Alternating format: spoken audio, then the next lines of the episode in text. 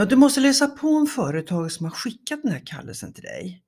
Du måste liksom få en uppfattning om deras verksamhet, om de ingår i någon företagsgrupp, jobbar de internationellt etc. etc. Och hur får du fram det då? då? Ja, då kan man kolla på deras hemsida. För där står det rätt mycket egentligen. Det kan också finnas en länk till deras årsberättelse som visar lite grann hur ekonomin ser ut. Men den är ju lite krånglig och väldigt svår att tolka om man inte är van att läsa sådana underlag. Så då kan du kanske få hjälp av någon som kan eh, titta på det här och tolka åt dig. En annan källa som man kan gå till är ju LinkedIn där väldigt många finns eh, registrerade. Alltså du söker på företagets namn, men då kommer du att få fram de personer som arbetar i det här företaget. Och där kan du läsa lite grann om dem och vilken position de har och få lite mer känsla för det här företaget.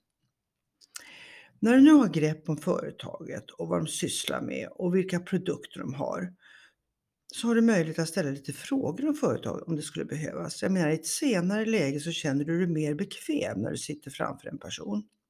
Det imponerar också ofta på intervjuaren som kommer att tycka att du verkar engagerad.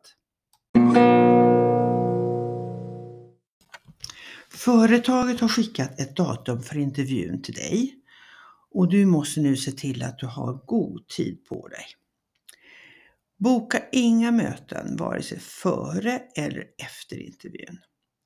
Den här dagen betyder så mycket för dig och intervjuaren vill inte ha en tidspressad person framför sig. Och du, du måste komma i tid till intervjun.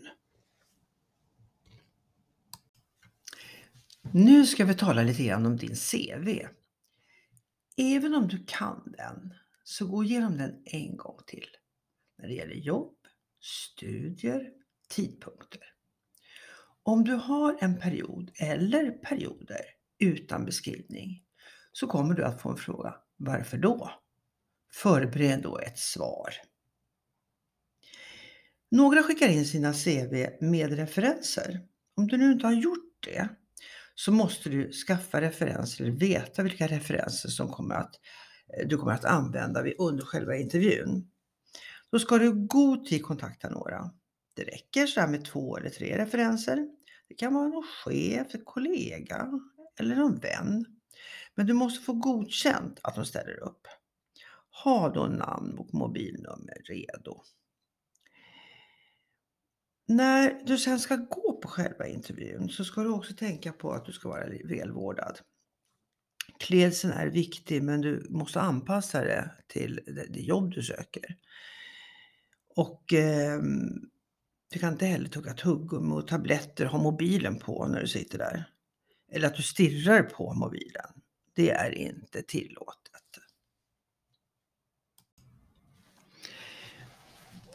Det finns en del andra frågor som kan komma upp på en sån här intervju. Exempelvis realistiska lönekrav, lite information om kollektivavtal, försäkringar och uppsägningstider.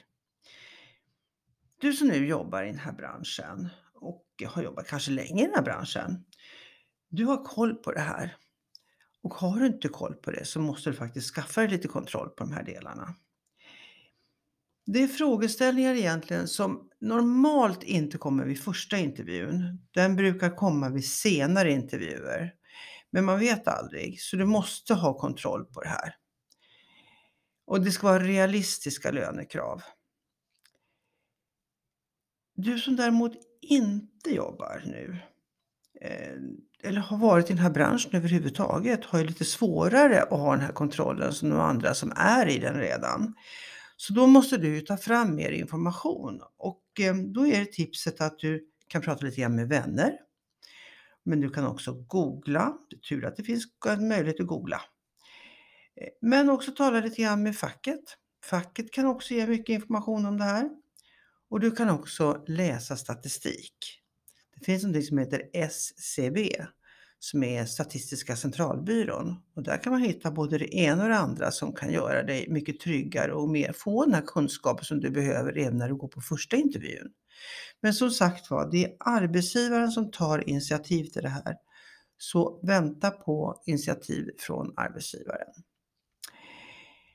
Vi ska nu vidare. Vi ska närma oss intervjudagen. Så jag ber dig att antistressträna. Du ska alltså lyssna nu på nästa avsnitt som handlar om stresshantering.